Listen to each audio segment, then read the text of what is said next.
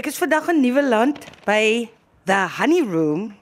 Verskriklike fascinerende plek. Voor my is Michael Hammond. Michael, weet jy, toe ek instap, toe voel ek soos 'n kind. Verduidelik vir luisteraars, jy wat ons sien rondom ons voordat ek jou peper met die vrae want ek is nou bitter nuuskierig. So wat ons doen is ons verkoop ehm um, ons met single origin, enkel oorsprong heuning.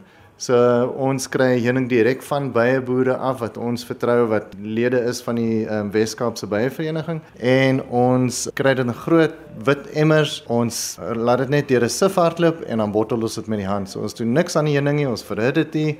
Ons filter dit nie, ons doen niks nie. Alles wat jy kry in jou potjie heuning is soos dit uit die korf uitkom al jou pollen en al jou ensieme is nog lewendig en alles is goed vir jou. Jy weet wat vir my fascinerend is, is dat ek sien dit het verskillende kleure. Nou as jy sê jy doen niks aan die heuning nie. Hoekom is daar verskillende kleure? So dit is nou die oorsprong van die heuning. Eerstens is dit die area en dan ook die heuningvloei of die die die nektarvloei waarin die bye dan nou werk.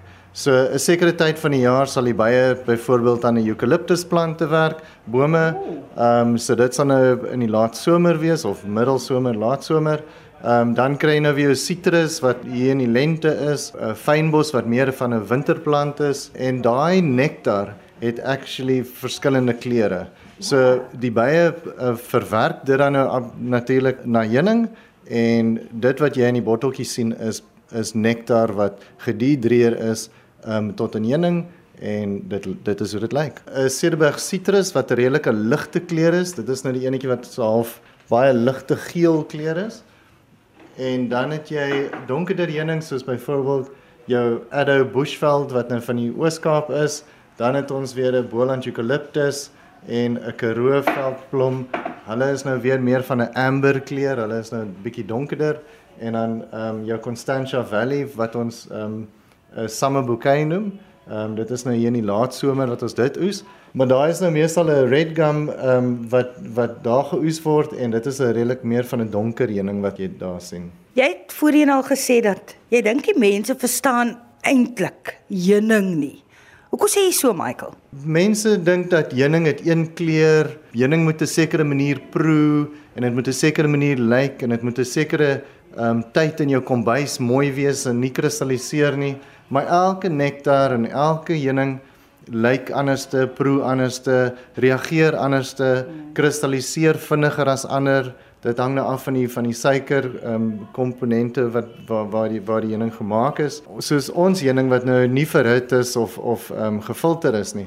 Al jou goedheid is nog in heuning. So dit neig om 'n bietjie vinniger te kristalliseer as ander heunings wat nou oorverhit is en en en gefilter is omdat al daai ensieme en alles is is eintlik maar nie daar nie. Wat jy hier sien is 'n natuurlike produk en jy sal sien van die potjies, ons hou daarvan om dit half de mekaar te sit. Party van hulle beginne kristalliseer. Dit lyk soos of hulle sulke melklyntjies in die in die mm. in die heuning het.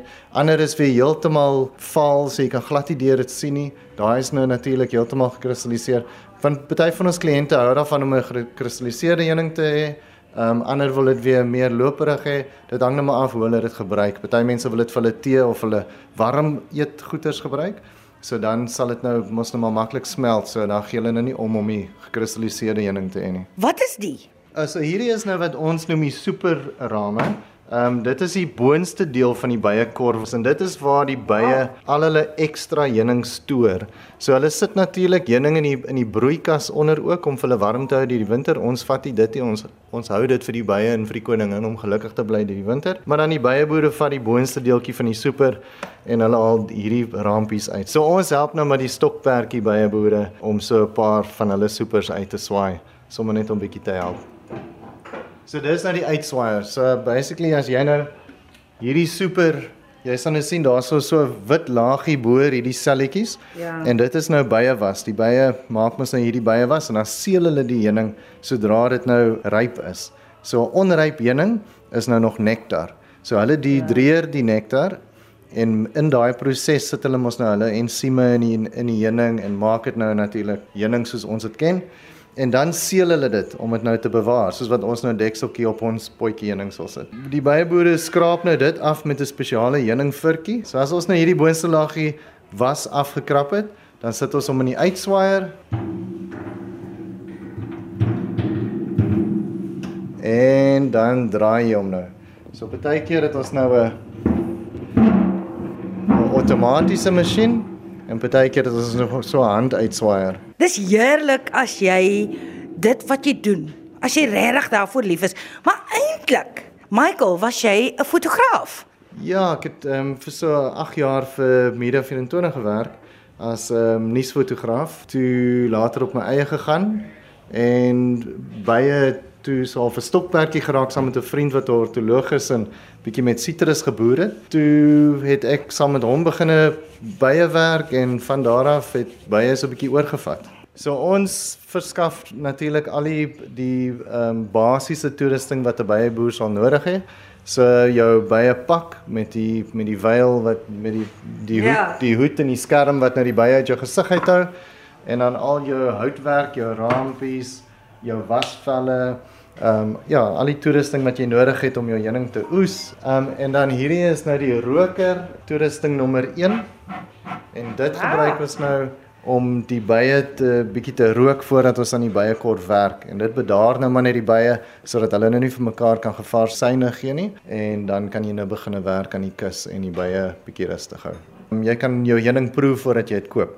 Ehm um, soos ek gesê het, elke heuning proe anders party is bietjie meer bitter, party kristalliseer vinniger as ander. Ehm um, so jy sal dit nou sien as jy nou hierso kom proe en dan kan jy nou kies watse geur jy verkies en ons gaan nou vir jou bietjie adviseer. So byvoorbeeld die Constantia Valley Summerbouquet sal ons nou aanbeveel vir mense vir rooibos tee of vir jou pap in die oggend met dit het baie diep diep geure en dis 'n baie lieflike warm heuning om om te eet.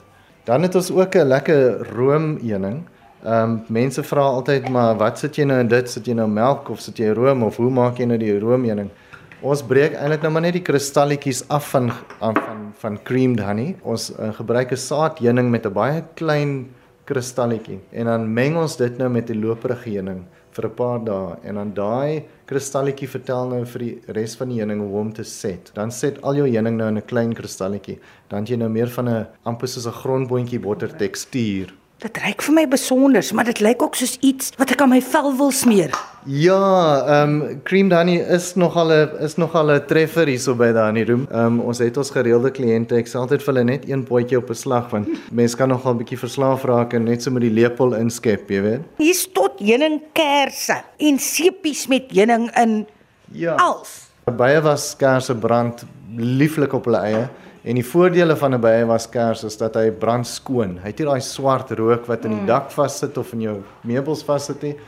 Hy absorbeer ehm um, reuke en maak die lug skoon in jou vertrek. So julle help maar mekaar in die omgewing. Jy weet die ene daai en hierdie persoon het dit. Ja, so ons sien so half the honey room as a beekeepers hub. My assistente lag altyd want die byeboere kom sit altyd hier so en drink koffie vir ure lank en dan kry ons dan nie veel werk gedoen nie, maar dis 'n lekker vibe wat ons skep en 'n jy weet 'n bietjie van 'n gemeenskap te skep met die byeboere. Sou jy sê nou dat jy jou droom leef? Ja, ek dink ek het 'n um, 'n volwasse lekker winkel. Ek het baie min wat hierso mense instap wat mislik is. Ek dink die winkel laat hulle gelukkig voel en hulle het, jy weet daar's altyd 'n glimlag op die op die kliënte se gesigte as hulle instap. So, ehm um, ja, that's a good feeling. Mense kan sien die kleure, die verskillende kleure. Is daar spesifieke rede hoekom alles in glasbotteltjies is? So ons etikette is 'n bietjie deursigtig sodat jy die heuning kan sien. So ons het dit natuurlik gedoen sodat jy die heuning kan beter sien. Ehm um, maar die glas is ook die beste manier om heuning te stoor. Ehm um, baie mense hou van hulle squeegee bottles. My vrou self vra ook elke keer, "Michael, kan jy net 'n squeegee bottle bring?" En ek om eerlik te wees, ek haat die squeegee bottles. Van die een rede is as jy dit verhit, jy weet nie wat se reaksie die plastiek het op die heuning nie. Die heuning gaan kristalliseer want dit is 'n natuurlike natuurlike produk. So by die tyd wanneer jy jou heuning, wanneer jy nou 3 kwart deur jou potjie is en jou heuning raak 'n bietjie hard, dan kan jy dit nog uitskep met jou mes en dan daai heuning red. Ehm um, ek dink baie mense gooi heuning weg want hulle dink by die tyd wat die squeegee bottle nou gekristalliseer het en hulle het hom nou al 'n paar keer in die mikrogolf gesit wat jy nooit moet doen nie, dan word die heuning in die drom gegooi. So ek dink ons verloor baie heuning deur die squeegee bottles. Ehm um, so ek ek hou van my glasbottels. Ek dink dit is die manier om die beste uit jou heuning uit te kry. Wie jy sê nou, moet dit nooit in die mikrogolf sit nie.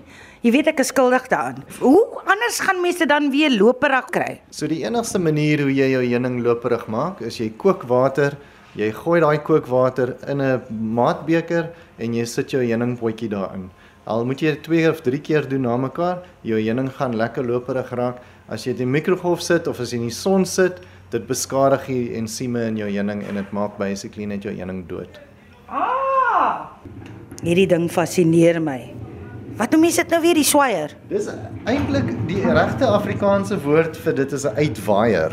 Mense dink is 'n uitswaier en meeste byeboere, ek sal sê 98% van die byeboere noem dit 'n uitswaier, maar dis die korrekte woord is uitwaaier. Hoe lank moet jy nou uitwaai? Met hierdie handpatent ehm um, waai jy tot jou arm net net wil afval. Dan weet jy jou supertjies is mooi droog en leeg. Assai. So sê vir my, dit is nou heel toevallig ook baie dag. Baie dag vir my is nou mos nou maar eintlik elke dag. Ek dink die mense hak 'n bietjie vas met die idee dat die enigste by is 'n heuningby. Ehm um, daar's daar duisende verskillende bye reg oor die wêreld wat ons wat ons aandag en ons liefde nodig het. Die probleem is dat ons produseer so baie kos in Suid-Afrika. So ons het baie nodig om die vrugtebome te bestuif. En dit is waar die probleem inkom. Ons kan nou meer en meer bye hê, maar ons is nie genoeg bome en kos vir die bye het nie. Dis wat die dilemma is. So ek sê altyd vir mense, plant eerder baie vriendelike plante en bome eerder as om 'n byekorf in jou agterplaas te hou. Lavendel, enige basically enige kruie wat jy kan vind is baie goed vir bye. Um op die Weskaapse Byevereniging se se webblad en daar's lyste van plante wat jy kan plant. Daar's baie bye boere wat grond gebruik en en baie plante plant vir die bye om hulle bye te help. So daar's baie dinge wat gebeur op die oomblik en dis nie net baie boer baie boer nie dis ook plante boer en blomme boer en nektar maak Ek het amper gedink jy gaan Karika se liedjie sing. Baie boer, baie boer, baie boer waar. Ek speel hom so nou nou nie klaar. Ek speel hom so nou nou nie klaar.